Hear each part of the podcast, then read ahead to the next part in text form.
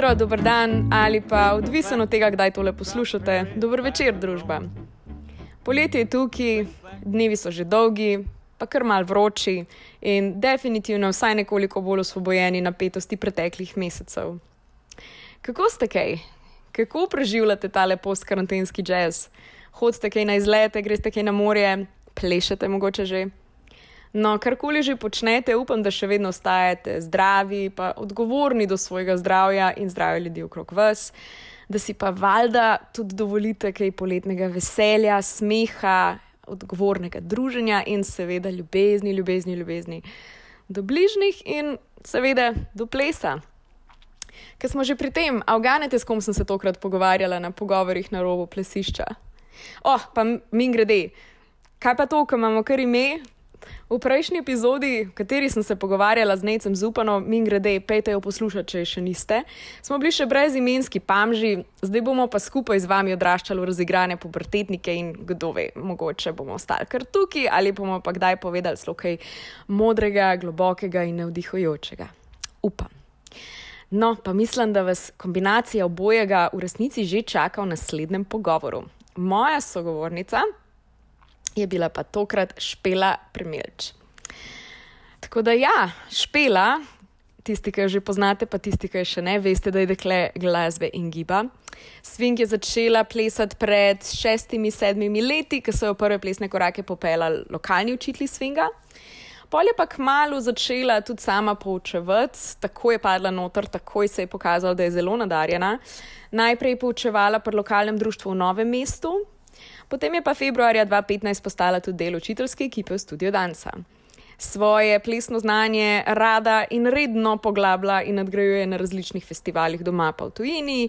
Bila je tudi članica različnih plesnih skupin, pri petkovcih je bila Jump Division, kabaretika. Za vse, ki teh skupin še ne poznate, pejte mečka na YouTube pogledati kakšne kulske koreografije, vse je gor. Špela ful uživa v plesu, nastopanju, sestavljanju koreografij in udeleževanju tekmovanj, na katerih je že požela tudi kakšne zlate kolajne, se pravi, ne malo zmag in lepih uspehov nasploh. Špelo gibanje, ples in glasba spremljajo že od malih nog. Pred svingom je od 4. do 16. leta plesala latinsko-ameriške in standardne plese, vmes je trenirala gimnastiko, od 15. leta naprej je plesala jazz ballet, pa modern, in kasneje se je njena strast prelevila tudi v poklic. Predala se je sodobnemu plesu in pa v 18 letih je začela učiti sodobni ples v plesnem društvu ter psihora Novo mesto, dve leti pa je poučevala tudi v plesnem društvu Imani Brežice. Svoje glasbeno znanje, tudi Toma, naša špela, je pridobivala v glasbeni šoli, osem let je igrala kitaro, dem, vse. Gibanje, ples in vse to ostaja še zdaj njena strast.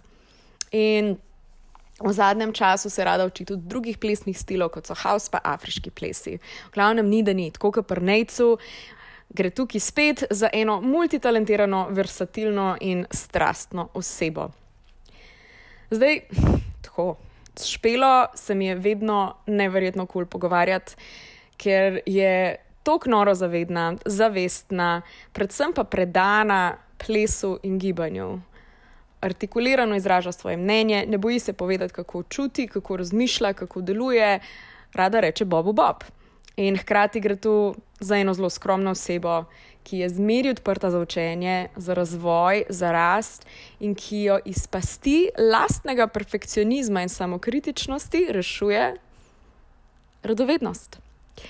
O tem, kako je Špela pristopila iz sveta modernega plesa v svet swinga, sorry, sodobnega plesa, mislim, da bi me kar kregala, če bi zdaj to slišala, kako gleda na izzive v plesu in življenju nasploh, kaj na svojih klasih želi predajati plesnim entuzijastom, svojim učencem in kaj bi ona svetovala vsem tistim, ki se mogoče kdaj na plesnih tečajih borite z ne samo zavestjo, sramežljivostjo, kritičnostjo, pa več v naslednjih trenutkih.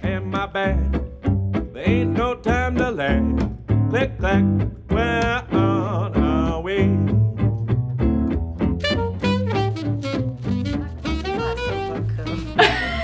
Me kar malo, nimam ga. No. Ja, okay, ne. Jaz sem kar um, prežgala že to, zato ker se mi to zdi ful simpatičen uvod v najmen pogovor. Špela se pogovarjava, kako je smešen slišati svoj glas na kakršnem koli posnetku. Uh, ja, torej, dobrodošli. tako kot uh, rečeno v introtu, sem se danes usedla s špelo premelč. Zmeri se moram spomniti, da si premelč, ne premelč. Res je. In uh, bova danes mi dve odprle ta naš pogovor na robu plesišča.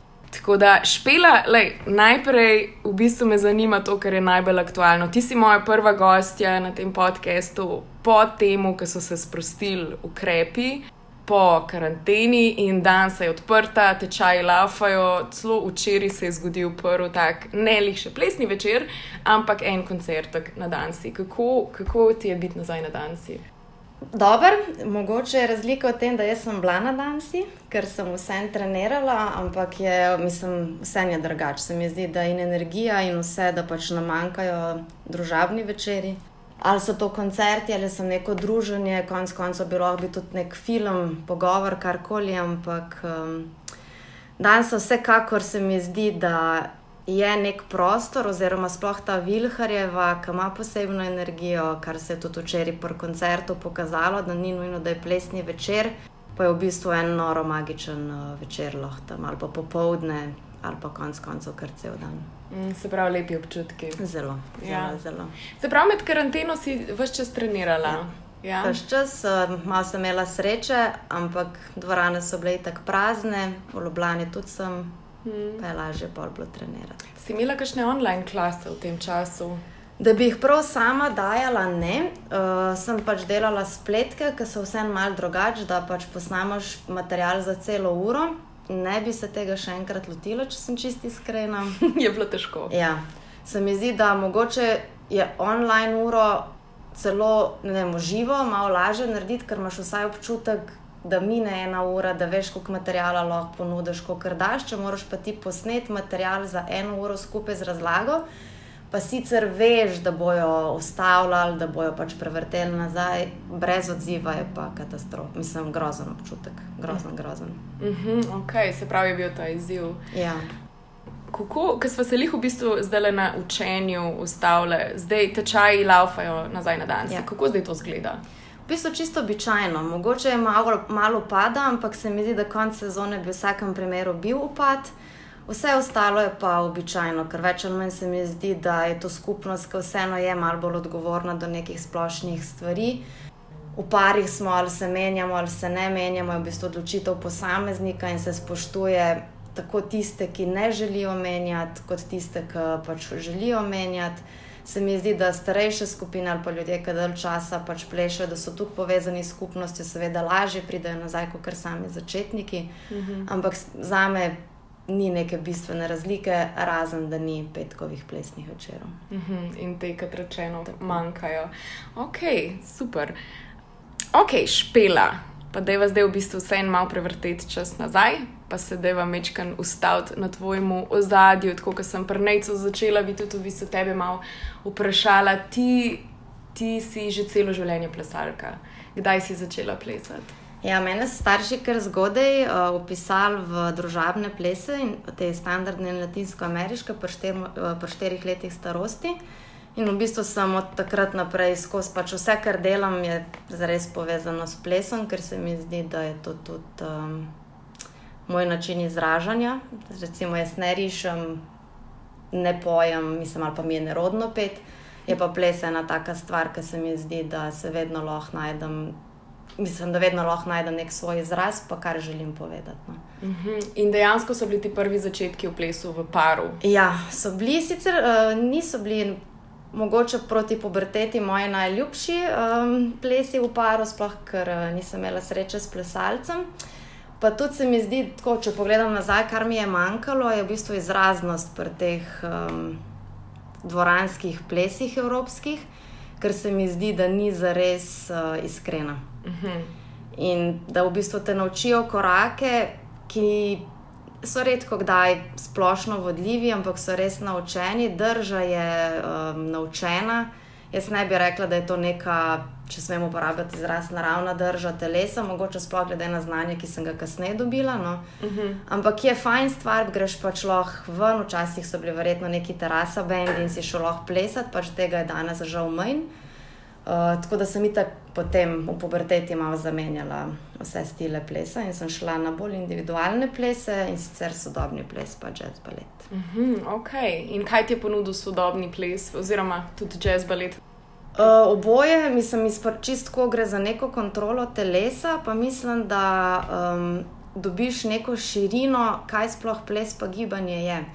Da je v bistvu samo gibanje, pa ples, ni nujno, da je povezano z glasbo, seveda je, ampak lahko je pa tudi sem pač nek trenutek, ki ga posameznik doživi, če malo banaliziran stvari, ko posluša pač morje in dobiš pač neko zgib da se nekaj v tebi premakne. Zdaj, boš to poimenoval ples ali gib, je za moje pojme čist drugotnega pomena. Zdaj, ker ples je toliko več, kot sem pač en čačača ali pa sem en, ne vem, angliški valček. Ampak ti ponuja neko paleto izražanja za vsa čustva, ki grejo čez tebe, ali so to lepa čustva, konc koncev, tudi če so težka čustva ker naše telo pove veliko več, lahko, kar pač si mislimo, ali pa kar je običajno z nekimi besedami. Se mi zdi, da je ta neverbalna komunikacija že itak veliko bolj izražena. Kot sam govor. Govor je naučen, naučijo nas, kako pač reagirati na neko situacijo, medtem ko nekih fizičnih, telesnih stvari se moraš pa kar dobro naučiti kontrolirati, da so lahko neiskrene. Okay. Se mi zdi, da recimo pri sodobnem plesu sem dobila to širino, da je naše telo veliko več kot sem neki instrument. No. Mm -hmm. A pa si že, ko te poslušam, imam tako občutek, da si že zelo v bistvu zgodaj dubla to zavedanje, da se s telesom lahko izražaš. A bi sama tudi nekako v to smer? Ne vem, mogoče bolj gledam, mislim, zdaj, tako, ko razmišljam nazaj, kaj se je dogajalo z mano. Jaz mislim, da takrat nisem tega znala razložiti. Vedela sem, da, zakaj, mislim, da me nekaj privlač, vedela sem, zakaj je to moj prosti čas, zakaj hodim na predstave, zakaj hodim, hočem hoditi na vse delavnice, ki obstajajo. Malo izhaja tudi, da sem vseeno imela na nek način uh, težko najstništvo, mislim, vsak ima težko najstništvo, ampak se mi zdi, da je pri meni šlo to res v neko. V neko žalost, mogoče neko ne samo zavest. In nisem takrat razumela, zakaj se ravno tam pač najdem na tak način, kot sem. Se mi zdi, da to so šele zdaj, mogoče par let nazaj, da malo razmišljam, kaj je bilo tako posebenega od nečesa prej, kar sem delala ali pa zdaj, kar delam, konc koncev. No. Mm -hmm. Takrat ne vem, če sem znala povedati, da v bistvu mi je dobro, ker sem lahko tudi slabe volje tam, pa jokam, pa še vedno se počutim, da sem. Se pravi, je bil ples vedno en tak prostor svobode za te. Ja. Res lahko si v ja. danem trenutku tako, to, kar si. Tako. Mm -hmm. Um, In to si ti uh, odkrivala v novem mestu, kjer si tudi ja. odraščala. Ja. Kakšno je bilo okolje tam za v bistvu ples? Kot jaz razumem, je novo mesto na eni točki v zgodovini bilo kar en tak center, pravzaprav plesni, skoraj da ne Slovenije, sploh za sodobne plese in za plese v paru. Eh, drži, drži, drži. Jaz mislim, da smo tudi eni izmed prvih, ki smo začeli s sodobnim plesom v novem mestu. In imamo ogromno, ogromno plesalcev, sploh glede na število novomeščanov. Ne vem, v sodobnem plesu sta vem, Luštek, Rosana, Jana, uh, Jana Menger, pa verjetno še kdo, ki jih tudi od mlajših generacij, ki jih ne poznam. Imeli smo konec koncev tudi Luštek, pa mislim, da ne Rosana, ne pa Luštek je prihajal iz družabnih plesov, ni bil takoj sodobni plesalec. Pa tudi zdaj nova, nova generacija od Tomaža Štera in naprej da imamo full potencijala, ampak se ta potencijal ne zadrži v novem mestu. Ker um, v novem mestu, um, upam, da ne bom koga užalila, ampak deluje kultura na princip vem, jamskega človeka in podobnih komedij. Vse, kar terja, pa mogoče malo več angažiranosti, um, malo več odprtosti, pa mogoče je lahko neka modna muha. -hmm. ki potem ponikne, oziroma ne dobi dovolj podpore, ker ni dovolj. Um, ne bom rekla aktualna, ker jaz mislim, da umetnost vedno je aktualna, ampak ni dovolj privlačna za množice. Mm -hmm. Sploh, recimo, sodobni ples. Je, dru mislim, je drugačen zvrst od hip-hopa, z vsem spoštovanjem, ker jaz mislim, da hip-hop je marsikaj drugega, kot to, kar vidimo na MTV-ju ampak danes deluje MTV. Mm -hmm. In MTV, pri MTV-ju ni podarek več na ples, oziroma vsaj v nekem trenutku ni bil, ampak je bil podarek na tem, kaj je nekdo oblečen. In ko je pri plesu pomembna obleka, ne pa izraznost giba, se jaz pač vprašam, kaj je ples. Mm -hmm. Tako da za moje pojme, recimo, novo mesto ima full potencijala. ampak ga preplehko koristi. Aha, no. ja. se pravi, gre bolj za eno tako instant tako. kulturo, ki je na množice osredotočena. Tako, tako. Okay. In tudi mislim, da posledično zaradi tega se mi zdi, da tudi sami družabni plesi v novem mestu niso kaj več aktualni kot za valete, pa za maturanski ples, uh, ampak je neka kultura MTV-ja in uh, celotne medijske produkcije malo prevzela novo mesto. Res je, da zdaj že kar nekaj let nisem uh, tukaj zauzet, mislim, upeta v novomeško dogajanje, ampak se mi zdi, da neke stvari v novem mestu se ne obnesejo. No. A pa misliš, da ima pri tem kaj uh, povezave tudi sama scena? Se pravi, ne sam ples, pa ne to, kako jo publika sprejema, ampak okolje, recimo, kako se plesalci med sabo razumejo, kako se povezujejo, kako ustvarjajo skupaj, a so bolj sami zase. Ja, jaz mislim, pa, da je to dosta taka slovenska situacija, da dokler se razumemo, vsi hočemo delati skupaj, ampak v enem trenutku pride kapital vmes in vsak dela za sebe. Mm -hmm. In se mi zdi, da moje videnje, da Slovenci težko najdemo neko skupno pot ali pa kompromise, pa ne v smislu, jaz ti pridem pol poti, ampak kaj je mojega, kaj je tvojega in kaj lahko narediva zdaj s tem, da bo stvar zacvetela. Ampak da gre bolj za to, da um, jaz boljš razmišljam kot ti. Uh -huh. In se mi zdi, da v novem mestu, sicer ne vem, kako si jaz s tem sodelovanjem, ampak um, različna videnja, različni pogledi včasih onemogočajo to sodelovanje. No. Mm -hmm, okay. Se mi zdi, da vseeno so to neki ločeni svetovi, do katerih te mostovi zdaj še niso bili zares grajeni. No, pa se ti zdi, da mogoče, uh, no, pa nočem zdaj tega polagati, ampak je to kaj drugače, kot je recimo tukaj v Ljubljani, na Vilharjevi, pri studiu Danci? Jaz mislim, da ja, okay. ampak uh, čez vidika, ker je v Ljubljani tudi večje število ljudi. Uh, večje število ljudi, ki je, več imaš mogoče tudi možnosti izbire, s kom boš delal. Najdeš ljudi, ki mislijo na podoben način, ki so odprti do stvari, seveda najdeš tudi ljudi, ki so zaprti, ampak večje število, kot je ljudi, lažje najdeš mhm. nekoga, ki povezuje stvari. No. Ja, tako simpel je. In kako se je v bistvu pol zate dejansko zgodil ta prehod od tega, da si bila sodobna plesalka v novem mestu, oziroma eh, družabnih plesov latinsko-ameriških, do tega, da si odkrila Lindy Hop. Pa kje se je to pol zgodilo, nov mest, Ljubljana, kako je šla ta pot? Ja, jaz sem študirala v Ljubljani in se spomnim že do časa študija, ker sem uh, živela v Mostah, smo pač enkrat prišli na Gradko Deljevo, kjer so plesali. In sem od takrat naprej pač vedela, da okay, je ta swing, to mora biti nekaj crazy dobrega, vsi plešajo, plešajo ljudje nasprotnega spola in res plešajo, ne pa se otipavajo. Ampak mislim, da dolga leta zatem ni, pač ni, se nisem odločila, da bi šla na noben tečaj. Do trenutka, ko sem začela delati, pa ko sem končala faks in začela delati v gledališču, in se tudi nisem čutila, da sem pri sodobnem plesu več uh, inspirirana oziroma da lahko nekaj ponudim. So pa istočasno moji prijatelji začeli hoditi na swing tečaje, in pa sem rekla, da uh, eh, grem pa še jaz. In glih se je poklopilo, da je bil tečaj na edini prosti dan in to je bil v nedeljo zvečer. In sem rekel, ok, na mestu televizije ob nedeljah zvečer grem pa jaz na ta plesni tečaj. In jaz mislim, da me je v prvi uri, sem rekla, ok, to bo zdaj za nekaj časa moj hobi, definitivno. Kaj pa je bilo tisto, kar te je v tej prvi uri? Glasba. Glasba. Ja, sicer eh, nisem začela čisto samim jazzom, začela sem namreč pri svinkicih, ki so imeli mal bolj. Um, Rock and roll, ni niti rock and roll, ampak en drug tip muske, ampak je cel, celotna ta energija, in vse, kako pač v bistvu lahko menjuješ partnerja in se z nekom povežeš za tistih par sekund, ko plešeš, me je, mislim, čist prevzelo. Se mi zdi, da je tako, to je življenje skoncentrirano v treh minutah, ali se z nekom ujameš, ali se ne ali slišiš enako glasbo, ali ne, ali te bo dobro vodo, ali ne, konc koncev, čez drugega pomena, ker smo vsi prišli tam uh, plesati. Wow. Pa se ti zdi, da tvoje ozadje ti omogoča, da si se gibalno hitreje uh, znajdla v tem plesu, kot bi se sicer mogoče? Ja, jaz mislim, da ja, ker uh, vseeno, ko, ko osvajaš neke korake, ne, jaz sem predtem še gimnastiko trenirala, se mi zdi, da neka kontrola telesa, pa kako se naučiti korake ali pa zapomniti stvari, s tem nisem nikoli imela probleme. Teže je seveda usvojiti nek občutek tega plesa, ampak se mi zdi, da mogoče zaradi raznolike pač moje zgodovine, ker niso bili to samo ene vrsti plesi, ampak sem skozi nekaj eh, mešala.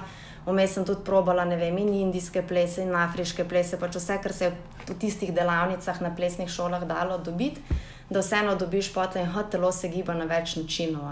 Kar je skupno, je seveda pač neka anatomija telesa, pač ne, čez neke sklepe ne moreš iti, vsako ima svojo neko zakonitost ampak načini izražanja so pa raznoliki in če ga znaš prilagoditi ali na musko ali na pač nek občutek, jaz mislim, da je veliko lažje pa osvojiti uh, sam občutek plesa. No. Okay, se pravi, si bila v bistvu suverena v tem, da si probavala nekaj novega ali je bil tudi en občutek nesigurnosti? Ja, definitivno občutek nesigurnosti, ampak je bila pa radovednost tista, ki me je gnala naprej. Ker, sem, mhm. ker še zdaj moja idealna služba bi bila, da mi nekdo plačuje, da hodim na različne plese se cele dneve. Hudo. Um, kaj pa ta preskok pol uh, na Lindy Hop, ker v bistvu, če, če povzamem, no, se pravi, ti si se verjetno najprej učila stila plesa, ki ga imenujemo Six Count oziroma Iskov Swing, ki mečkam bolj temelji na, na, na enih enojnih korakih, Lindy Hop ima pa te uh, trojne korake, bolj dinamične, velike raztegovanja. Kje si ga odkrila, kako je bil pol kako je izgledal ta prehod, pa menjava muske, konc koncev na jazz? Uh, jaz mislim, da pri Lindy Hopu, kar večino ljudi privlači, pač prav konkretno swing out. Uh mhm. -huh. In uh, ker ti v enem trenutku nepričakovano pač nekdo pošle nekam. In tudi, res sem takrat potem še doskrat šla v Unijo na pleset in je bilo meni fascinantno, kako iz enega koraka ali pa iz osnovnih dveh korakov, oziroma pojtak več ne veš, kaj je osnova izpa, mislim, narišeš celo paleto teh nekih gibov, ki seveda pač nastajajo zaradi glasbe, ne ker so tukaj naučeni, so, ampak ne zaradi tega. In smo tudi takrat prosili na prsvinkicih, da naj nas najprej malo začnejo Lindy Hop učiti, pa sem šla še celo ven na eno poletno delavnico k Vintageu. In pa tako začneš gledati, okay, kam bi šel pa zdaj lahko še malo več raziskovati, ker meni enkrat na teden absolutno ni dovolj. Ne? Enkrat na teden, kaj to glih padem noter. In pa je vsega konc, ne? in pa so prišli počasi festivali, in tudi s tem druga glasba, um, absolutno drugi učitelji, ki so imeli pač neko znanje o tem Lindy Hopu, ki je mene pač odpihnilo. In pač počasi se mi zdi, da sem tudi jaz videla, ok, svink je marsikaj. Ne? Nisem ena vrst plesa, nisem ena vrst glasbe ampak je vse, v bistvu pač nek razvoj glasbeni, mislim, stilski razvoj in pač vse sem hotela vedeti. Hudo. Pa prav, Lindy, a se ti zdi, da te je privlačil tudi zato, ker je malo bolj kompleksen ja. kot naprimer Six Gun ja, Swing? Definitivno. Tudi zato, ker se mi zdi, da je gla že glasba sama ti ponuja um, različno interpretacijo. Vedno najdeš v istem komadu različne stvari, na katere se pač lahko orientiraš. To mislim, je podob, podobna stvar, kot pač, ko gledaš kakšno umetnino. Pa ne glede na to, ali je impresionistična ali pač nekaj modernega, vsakeč ti vidiš nekaj novega.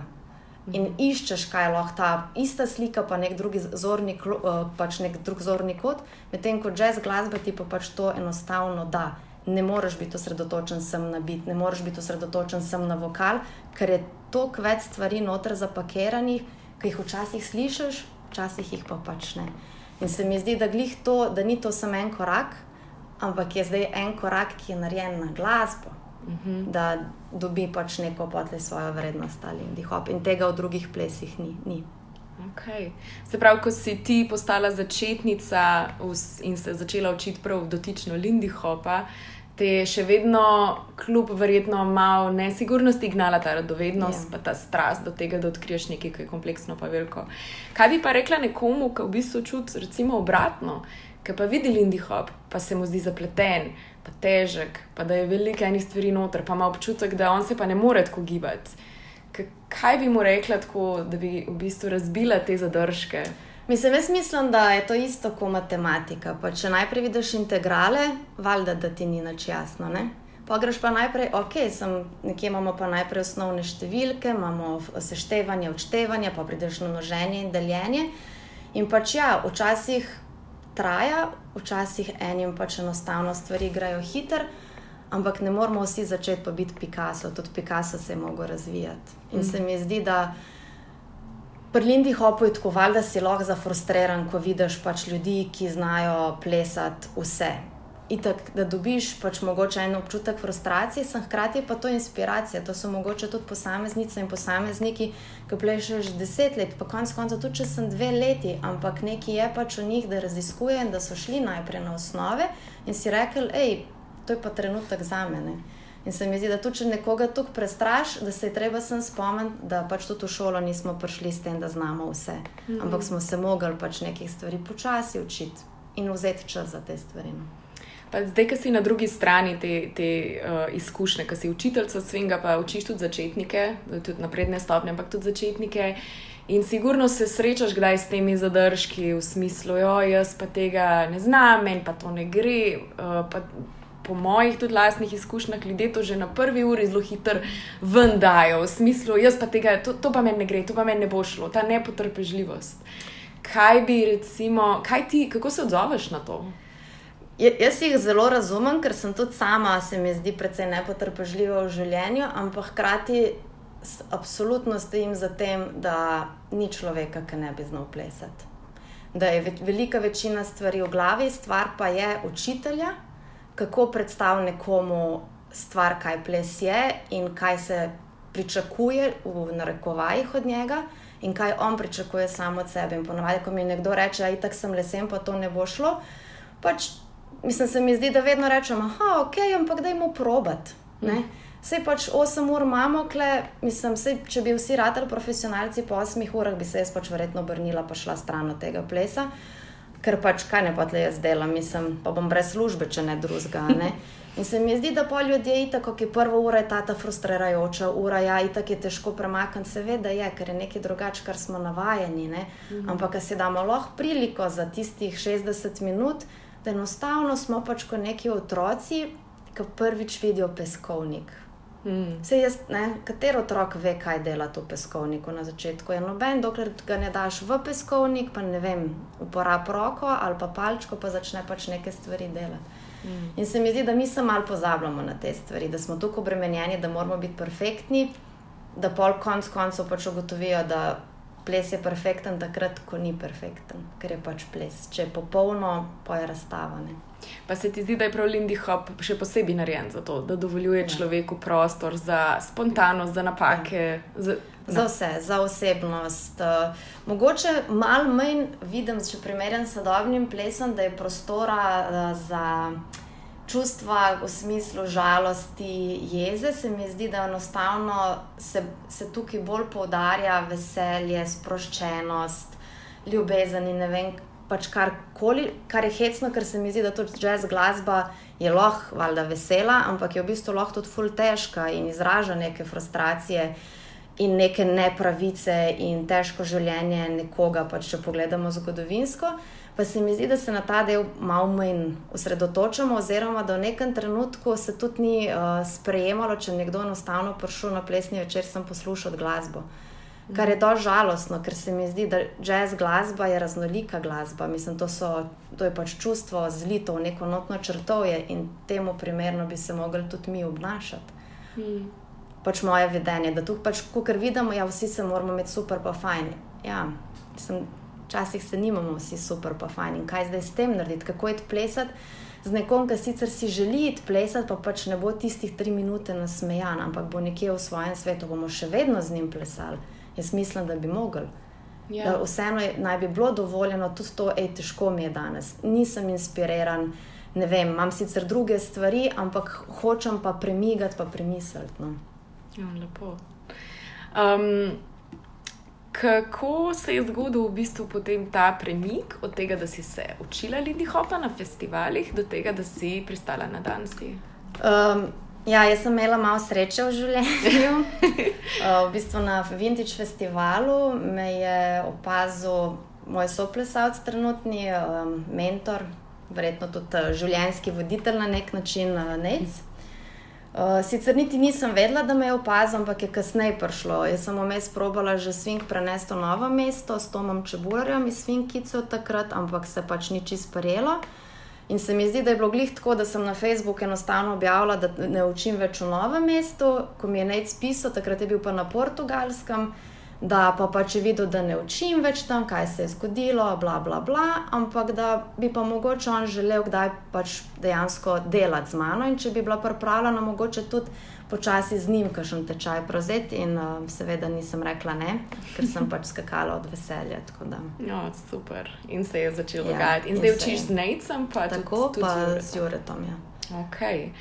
Um, učenje, nastopanje ali tekmovanje? Mm. v čem najbolj uživaš, ali sam treniranje? Jaz mislim, da, da prvotno je pri meni zares uh, treniranje. Uh mhm. -huh. Da pač nekako, če se pravi, če bi zadela na loto, bi verjetno, mislim, rada učim, ampak bi se najprej in predvsem pos, mislim, posvetila res treningom, da osvojim. Um, pa ne samo samo telo, ker pač ples je več kot samo telo, ampak tudi občutek glasbe.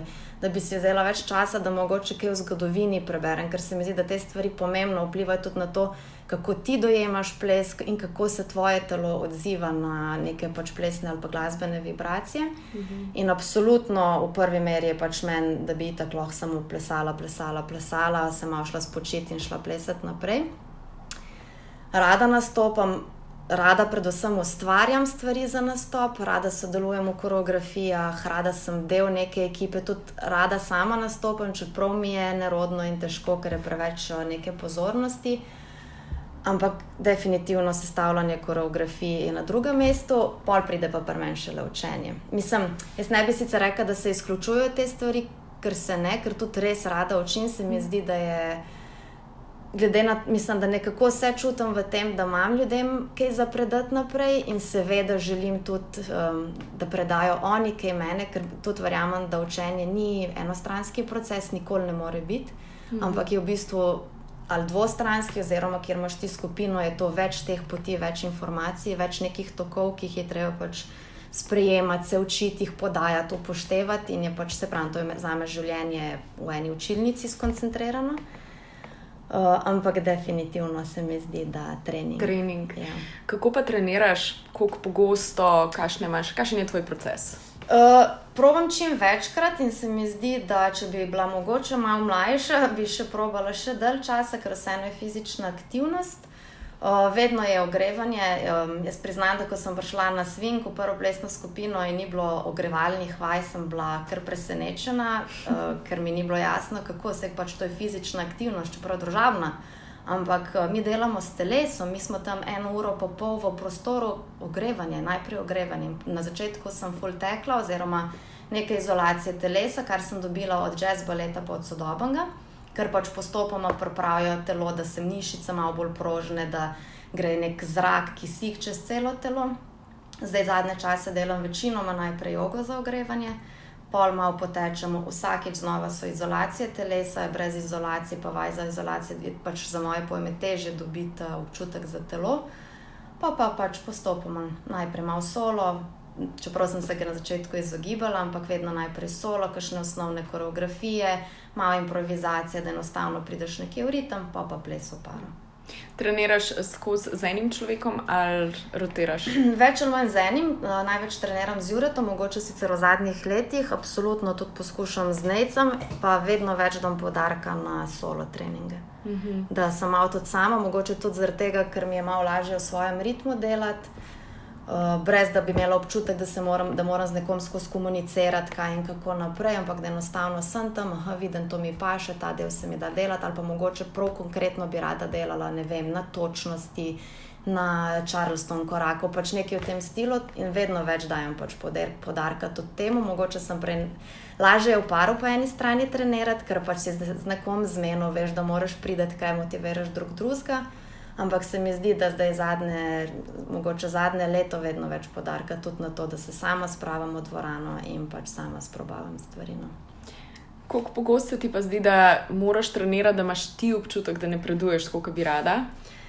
Ja, idealno bi bilo, da je to po mojem petkrat do šestkrat v tednu, ampak mhm. -huh. ne zmorem. Mislim, sploh če so tečaji, pač to toliko težje bi bilo pa, pa mislim, jaz mislim, da bi, če bi imela dovolj fizične energije, bi po mojem vsak dan šest ur sem plesala. Okay. Kaj pa tekmovanja? A rada tekmuješ, uh, kako tekmuješ, kako pogosto, kaj je point tega, da tekmuješ? Ja, jaz imam mislim, malo take mešane občutke pri tekmovanju, pač tekmujem. Uh, tudi se mi zdi, da najdem neke vrste užitek v tekmovanju, ampak ne v smislu, da tekmujem z drugimi ta del me v bistvu kvečemo demotivira, ampak da se pripravljam, da imamo smišljen trening tudi zaradi tega, da vidimo, da je tako in tako tekmovanje. Ne vem, ok, imamo koreografijo, kaj lahko jaz iz tri minutne koreografije naredim. Da je spontana, da ni preveč uh, okrašena, da, je, da so neki momenti, ki izgledajo, da vem, ali družabni ples, in pa hkrati momenti, ki jih lahko pač res na koreografijo narediš. In se mi zdi, da moja motivacija za tekmovanja so bili te raznolike priprave. -hmm. Da mhm. pač me dajo neke uh, mogoče ne tako podobne cone, se pravi, okay, ali je to neka kreativa, ali je to, da moraš biti show off v 16 osmicah, ali je to pač neka improvizacija, solo improvizacija, ampak da tekmovanja meni sem postavljajo neko motivacijo za trening. Rada tekmujem, ker se mi zdi, da, rada, da vzamem to kot en del nastopanja, čeprav vem, da ni nastop, ampak si ga probujem tako nekako reči da bi pa prav rada tekmovala proti drugim, mi pa res ni um, ljubo. Se pravi, smo spet pri treningu, pa, pač, kaj bi recimo pa rekla ti enemu tečajniku, ki mogoče nima takih resnejših ambicij za svoj Lindy Hop, bi pa rad napredoval. Um, Koliko bi mu priporočila treninga, kako naj vadi onkraj tečaja, razen tega, da redno hodi na tečaje, kaj bi mu še priporočila?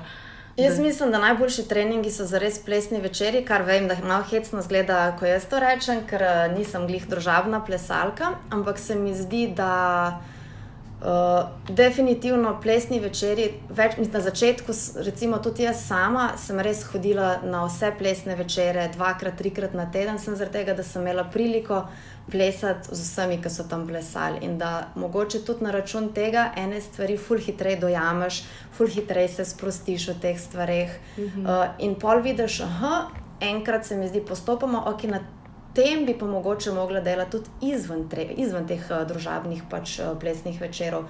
Ne vem, ali je to ok, swing out, vsakih dela po svoje. Zdaj, kaj jaz lahko najdem, da je pri meni nekaj univerzalnega, pa hkrati sovpada z vsemi temi različnimi lideri. Tako da, absolutno, tisti, ki hoče najprej več, naj ga hodi na plesne večere, pa naj si poišče ali ne vem, partnerko, partnerja ali pa neko skupino ljudi, ki so enostavno pripravljeni še malo več preplesavati in se osredotočiti na nekaj, kar je nekomu izziv. Se mi zdi, da te skupine na začetku celo bolj delujejo kot sam par ali pa kot solo ker imaš več ljudi, ki ima več uh, želje, več nek, nekaj takih, se mi zdi, energije, da jim nekaj malo noga raziskati. No. Ja, ja. Pa tudi, uh, no, zdaj bom čist malo tako uskočila za enega ene osebne perspektive, ampak tudi stik s to glasbo, z jazz glasbo, se mi zdi uh mhm. -huh. pomemben in to res na plesnih večerjih dobiš, ker jazz, vsaj pri meni je bilo tako, na začetku ga ne razumeš čisto takoj. Bi sama tudi kaj v to smer? Ja, se strinjam. Jaz, recimo, sem na začetku, mislim, eh, meni pred samim ljubeznijo do jazz glasbe je bilo v spredju gibanje. Uh mhm. -huh. Gibanje in pa pač, mislim, tako eh, fizičen del tega plesa, ker enostavno je pač moje telo hotlo nekaj govoriti. Še lepo, po mojem, ko sem začela učiti, sem videla, aha, da v bistvu glasba ful pomembno vpliva na to, tudi kako jaz plešem. Uh, in se mi zdi, da na začetku pač na šest korakov, pa jih plešeš na enak način, ne glede na tip muske, ki se vrti. In pa sem bila tako, ampak meni nekaj ne paše. Nisem znala si razložiti, zakaj me neke stvari ne paše, zakaj ne vem, če imamo ritem in blues, zakaj jaz ne morem pač nekega klasičnega Lindy Hopa, ja, ker ni ista muska. Mm. In se mi zdi, da sem to, to zavedanje za glasbo kasneje dobila. Sicer uh, brez treningov, ne vem, če bi jo tukaj veliko poslušala, zdaj valjda jo moram malo več zaradi tečajev in zaradi treningov in zaradi tega, ker iščeš komade, na katero hočeš delati koreografijo. In še lepo vidiš, da v bistvu je ta jazz glasba pač krezi raznolika in da kaj boš zdaj z njo naredil, mislim, težko, mislim, to ni, to ni, mislim, to ni samo zeleno. -hmm. To je pač cela paleta v enem komadu. Mislim, kako se zdaj odzvati na to, ko imaš ti v bistvu pred sabo, ne vem, deset čokolad, kjer boš danes bral. No, mm -hmm. okay. Kaj bi zdaj ti, ki gledaš nazaj, pa ki si učiteljica na dansi, pa del dansine skupnosti, svetovala nekomu, ki je relativno na novo na dansi, ali pa je nasploh bolj sramežljiv, zadržan, tudi če že nekaj časa in, in se ne vklop tako zlahka takoj. Kako si ti sama premustila ta občutek, pa kako bi zdaj nekomu svetovala, da ga premusti? Jaz mislim, da si je treba enostavno najti uh, ljudi, ki, so, ki se v tistem trenutku tako počutijo kot ti, ker nikoli se ne počutiš tako samo ti. Vedno so ljudje, so pač skriti in mogoče zaradi tega gledaš ne na sredino plesišča, ampak pogledaš pač ob obrobju in kar, mislim, kmalo vidiš, da pač res nisi sam in da mogoče rabaš sem par ljudi, s katerimi se boš redno videl, da se tam najprej odpreš in pa pač odpreš tudi mečkam bolj na druge. In se mi zdi, da jaz no, nikoli ne forceram nekoga, da naj kar naenkrat se odpre vsem, daleč stran od tega, jaz mislim, da je treba to zasebnost kar spoštovati, ampak da je treba mogoče sem pogledati izven spotlighta. Da pogledaš nekoga na levo, pa na desno, pa rečeš najprej ok težko mi je, ampak a, greš z mano plesati, sem začetnik, nerodno mi je, da v bistvu si iskren sam do sebe, tudi na glas. Mm -hmm. Ker ljudje se mi zdi, da nikoli nisi samo ti sramežljiv, velik nas je, velik vas je, kar koli. In tudi pol v bistvu ugotoviš, da tudi ljudje, ki so na sredini, so isto sramežljivi, lahko ti. Ja. Ne, sem pač navajeni, so, ker so prišli večkrat v to skupnost. Zanimivo je tudi to, da veliko učiteljev, uh, ki jih jaz poznam, uh, so še vedno sramežljivi, ne glede na to, koliko kilometrine pa tako imenovanega uspeha imajo za tako, sabo. Tako. To je nekim fajn, ker mogoče tečajniki premalkrat slišijo od nas. Uh, pa spet bom malo skočila iz ene osebne, ker sem se jaz učila ples, nam je bilo vedno super kot tečajniki skupaj hoditi na večere. Ja. Že to se mi zdi, da ima to sramežljivost ali pa zadržanost lahko. Se strinjam. Ja. Sicer jaz, recimo, zdaj, ko vidim, včasih sem mogoče tudi jaz kot učiteljica dala več uh, na to, da povežem jaz skupine skupaj. Zdaj se mi zdi, da ne vem sicer, kako je pa ostalih, ampak da se ne trenutke mogoče temu res premalo posvečam in da bi mogla malo več v, vla, pač v to vlagati.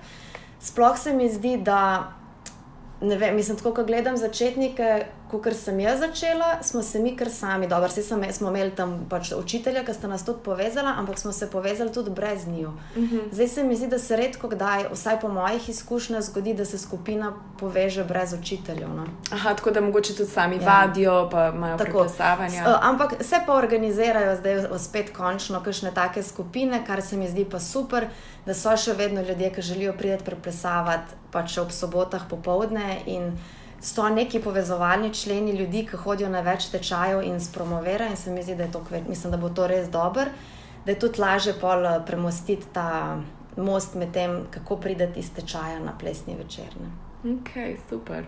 Um, zdaj le bi počasi, počasi mečken uh, začela zaključovati, ampak me zanima na koncu v bistvu ene par takih bolj ekspresnih stvari, ki so malo izven konteksta. Um, zanima me, če imaš za nami, zato ker tudi ti si ena izmed zelo spoštovanih učitelj splesa predan, si ful si uspešna plesalka, na tekmovanjih blestiš, veliko ljudi te občuduje in spet to, kar smo že prej omenjali, včasih pozabimo, da so tudi učitelji sami ljudje, da se borijo s kakšnimi stvarmi, da so si všeč, pa si niso.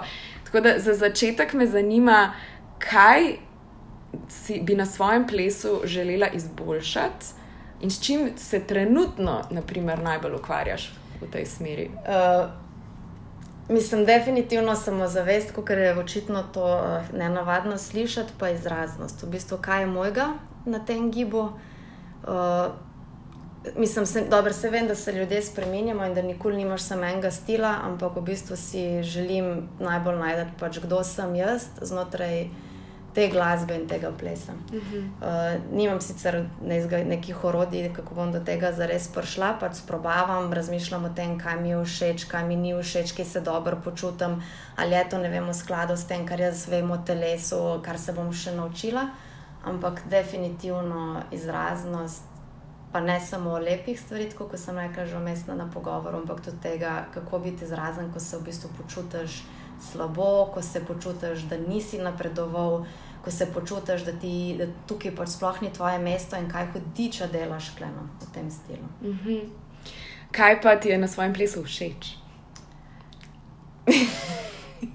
in kako težko je to vprašanje zdaj le zate? Ja.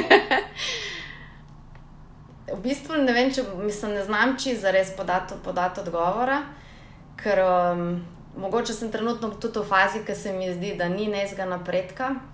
Ampak ne vem, mogoče kar mi zdaj ne vem na samem plesu, pač všeč mi je moja ustrajnost. Uh mhm. -huh. Da ne glede na to, da imam pač neke krize, da še vedno pridem na trening, pa probujem stisniti, tudi če sem utrujena in čist neinspirirana.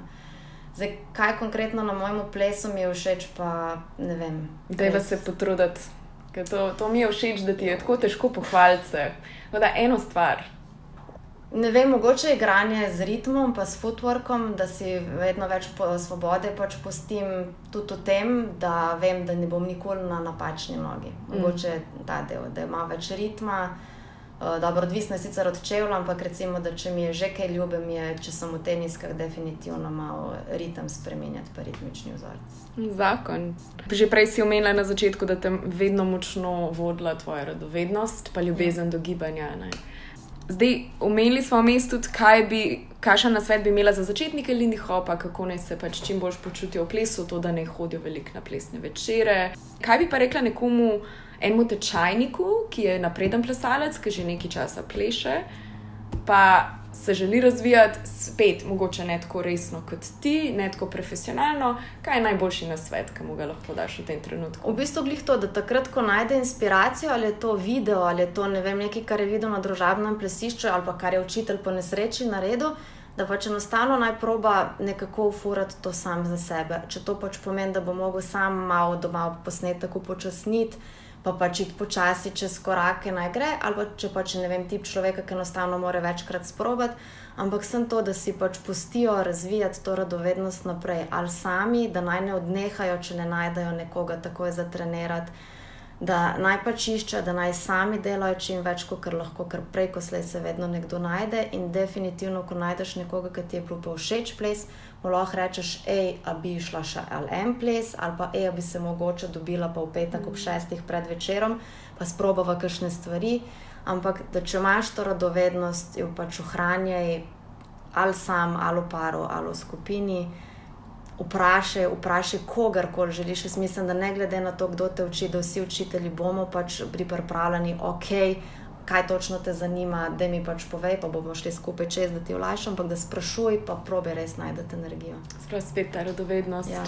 Uh, in ko kar te razumem, vedno, ko prideš v svojem plesu do neke ovire, v bistvu te rešuje ta tvoja radovednost, ustrajnost, da še vedno greš naprej in te to ne demotivira.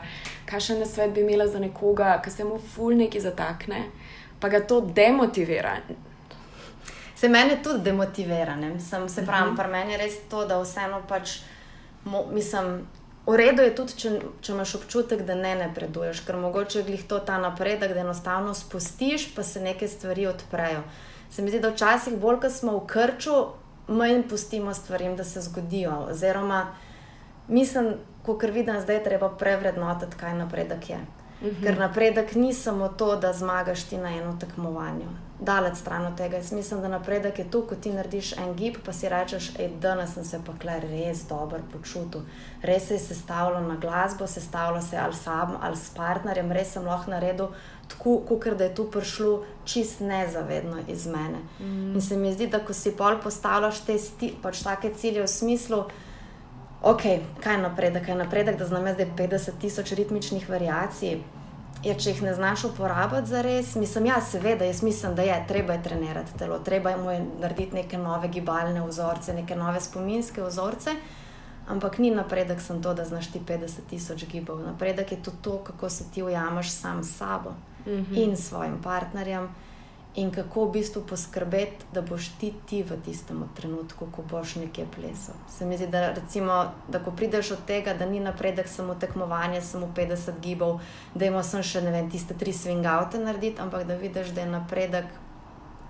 Pač ples v pač neki njegovi čistosti, mm. prvinskosti, v bistvu v tem, kar smo vsi pozabili, kar ples sploh je. Pač ples je bil, ne vem, odkar se, se spomnim, je ples pač izrazen, izražanje ali sebe ali nekih stvari, ki se okrog tebe dogajajo. In to je za me napredek, da si pač mm. postiš te stvari izraziti, pa tudi, če se vmes potakneš. Se pravi, po domač povedan, ki imaš trenutek, ki te demotivira, ti sam pleš. Ja dokler se naš dobro počuti. Ali pa pač greš na sladoled, pa prideš na trening jutri. Evo, to je okay. zakon. Uh, Čez za konc še, uh, a bi delila z nami dve anekdoti. Eno največji fail v svojem plesu, ali pa še nastop, tekmovanje, trening, karkoli, pa pa en tak lep plesen moment, ki ti je ostal v spominu.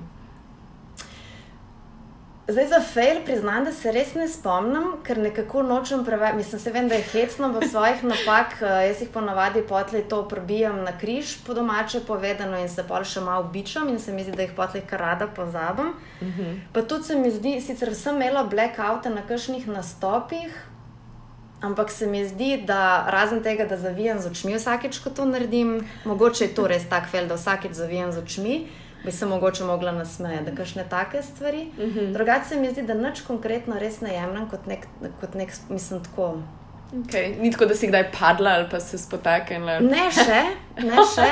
Lahko se mi bo še zgodilo, bom takrat malo drugače povedala. Okay. Ampak se mi, ne spomnim se, res se ne spomnim. Uh, definitivno se mi zdi, da pa en izmed lepših trenutkih, uh, kljub temu, da imam pač res, res sem vesela za oba plesna partnerja, ki jih imam, in upam, da bo še pač kdo prišel. Ampak uh, definitivno imam res uh, dance crash na pač enega plesalca iz Bolgarije, redko se vidva, ampak vsakeč, ko grem plesati z njim, je. Mm. Pač se mi zdi, da je to nek tak moment, ko enostavno vidiš, da se s človekom, pa se ne mislim, sicer se, pač se, se malo poznamo, ker se tukaj videvamo. Ampak jaz prav vem, da ne vem, lani na BLHC-ju tri dni nismo, nismo pač prišla skupaj, da bi plesala do zaključnega večera, in pa smo pač plesala, po mojem, pol ure v eno. Mm. In se mi zdi, da zaradi takih trenutkov, ko v bistvu ples nima veze na nek način s tem, kdo si, kaj si, ampak enostavno enako slišiš glasbo, na podoben način se odzoveš, tudi če se ne izpade stvar, kot da je bilo pač tisto tistem trenutku tako mišljeno. No. Mm, se pravi, skrivnostni Bolgari. Ni skrivnostni, no, se je vse, kar znam. Pač se nisem, da vsi, ki me poznajo, vejo, da je pač to Bogdan. Okay. Pač, uh, definitivno je moj plesni ljubček. No. Mm -hmm. no, torej, če greste na, kako si rekla, BLH, uh, BLHC. BLHC. Ja, Balkan Lindy Hop Champion. Tako, lepo iščete Bogdana, špela ga priporoča. Okay, zdaj pa samo še za en, eno tako res zadnjo pentlo, ki se mi zdi ful pomembna. Zadnjič sem se pogovarjala z eno punco je um, spremljala te proteste, ki so se zdaj odvijali strani kulturnikov pred mhm. vlado. In je nekako tako po svojega stališča kritično rekla, pa se zakaj pa je to sploh koristno, zakaj pa mi sploh rabimo kulturo, umetnost, ples. Um, ker recimo razumem inženiring, razumem gradbeništvo, razumem matematiko, razumem fiziko. Bi, kako bi ti se odzvala na takšno provokacijo? Zakaj je ples pomemben? Pa pol še čist na koncu, zakaj bi nekomu rekla, prid prav na Lindy Hop? Ok, mogoče zdaj, zakaj mislim. Ples je lahko športen, lahko je družaben in lahko je umetnost. Jaz mislim, da ne bo to tako preprosto odgovor, pa ga bom probala malo bolj poenostaviti, ampak ples kot umetnost je pomemben. Mislim, jaz mislim, da umetnost in kultura nasploh to pač sta plasti neke človeške družbe in jo ne moreš odtrgati in se delati, da tega ni. Ker umetnost ni Mislim, ni, ni, jaz ne vem, ampak to ni, to ni nekaj banalnega. Umetnost, če je dobra, umetnost je premišljena in odraža stanje družbe, take kot je v tistem trenutku, ali za nazaj, ali mogoče tudi neke potencijale za naprej. Ampak umetnost je ogledalo, umetnost je ti se pač pogledaš in vidiš, kdo si. Kar ne govorim, ali je to dobro ali slabo, ker nima pač veze s tem, ampak ima veze na to, da opozarja, da nam prikazuje in da, da nas spravlja k razmišljanju, kaj lahko naredimo, da bomo vem, napredovali v smislu enega napredka, ne pa samo razvoja, ampak da gre to res na boljš. Čeprav se imamo lahko dobro, ampak to ne pomeni, da se imamo mi lahko dobro sem znotraj enega vzorca. Ne, teh vzorcev je veliko, teh vzorcev je tukaj, ker je verjetno ljudi na svetu. In zakaj samo k enemu pristati, če pa lahko več vzorcev naenkrat biva? In umetnost je kle, umetnost je te, mislim, to te zrcal. Mm -hmm. Ne moreš reči, ni je. Je, mm -hmm. se mi je pa pač treba dojeti. In se mi zdi, da se ful premalo podarka daje temu, ker je tukaj na v spredju neko naravoslovje, čeprav marsikater umetnik pozna matematiko, pozna fiziko, pozna kemijo, črpa iz teh stvari. Ples ni nič drugega, kot na nek način fizika, ni nič drugega, kot cela anatomija telesa in enako velja za slikarstvo. Picasso ni lolek, Mm -hmm. Nisem rekel, jaz bom danes malo narisal te stvari v neki drugi projekt. Mislim, tako, In se mi zdi, da se tega ljudje premalo zavedajo, da mi rabimo umetnost, da nas zrcal, da nam pokaže, kaj delamo, kdo smo, v katero smer gremo, odkot prihajamo. To je umetnost, da ti vidiš zgodovino od začetka do konca in se mm. učiš iz tega. In se mi zdi, da recimo ples kot umetnost, men, da je ta provokacija, se mi zdi, to je pač čista ignoranca nečesa ali pa nekoga, ki nečesa ne pozna. -hmm. Jaz bi dala, da jim se izobraževati, da jim biti radovedni, da jim se pozanimati, kaj rečemo, preden nekaj rečemo. Mogoče. Se pravi, mogoče gre pol tukaj za neko poglabljanje, ne živeti ja. samo na enih vrhnih plasteh življenja, tako, kjer sam funkcioniramo, gradimo, produciramo, ampak tako. tudi ustaviti se. Pogledati v zrcalo, Tako. vprašati se, gremo v pravo smer, ne gremo v pravo smer. Umetnost uči spoštljive komunikacije kar se mi zdi, da danes pač primanjkuje. Po umetnosti ti vidiš različne zorne kote, ki jih nekdo utemelji. Mm. In glih to je čar tega, vsak lahko razmišlja kot razmišlja. Potem, če gre na ples kot družabnost, je definitivno pač pomembna stvar iz socialnega vidika, iz vidika tega, da imaš prostor, kjer ti odmisliš, kjer pač kamor prideš in prideš ne samo spit neki, ampak prideš malo za dušo poplesati, te povezuje, povezuje skupnost, naredite na nek način pač člana neke skupnosti, za katero si se ti odločil, da bo šel. -hmm. Tako da jaz mislim, da nasploh ples ali kot umetnost, tudi kot šport, konc koncev, tudi kot nek državni vidik, definitivno je na mestu, ti pomaga se postaviti nekam v mesto, pomaga ti priti do sebe. Mm.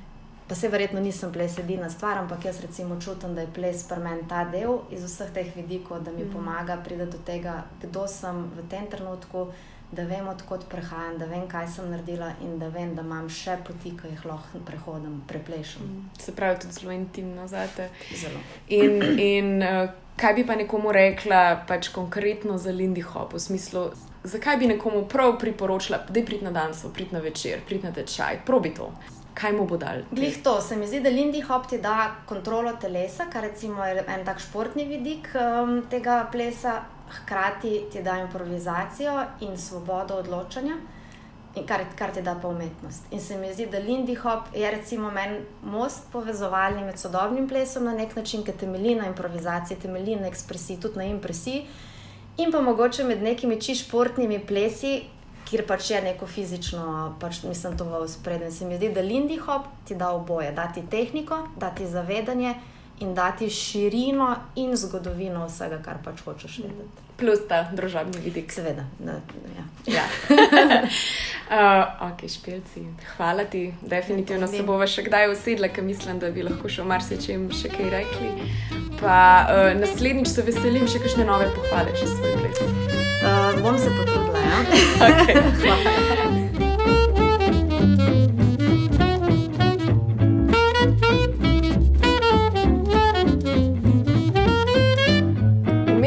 Zrcalo in ples kot način izražanja sebe in raziskovanja sveta okrog nas. To je pa naša špela. Če vas še kaj zanima, jo seveda lahko direktno vprašate ali nam pa pišete na naš Facebook, Instagram, e-mail, tam, ki vam najbolj sede. Bodite pozorni na to, da se v studiu dansa celo poletje odvijajo intenzivke, se pravi, gre za krajše plesne tečaje, primerne za vse nivoje, vse plesne okuse, za vas. Ja, zate, točno zate. Bodite pozorni tudi na to, da naslednja epizoda pogovorov na robu plesišča izide čez približno dva tedna. Ne bomo kaj preveč dopustniški tukaj, vi pa definitivno bodite. Uživite pa, pridite plesati. Click, clack, we'll see the desert painted red. Click, clack, against the sky that melts our dread. I got my ticket and my bag. There ain't no time to lag. Click clack. Click clack. Click clack. We're on our way.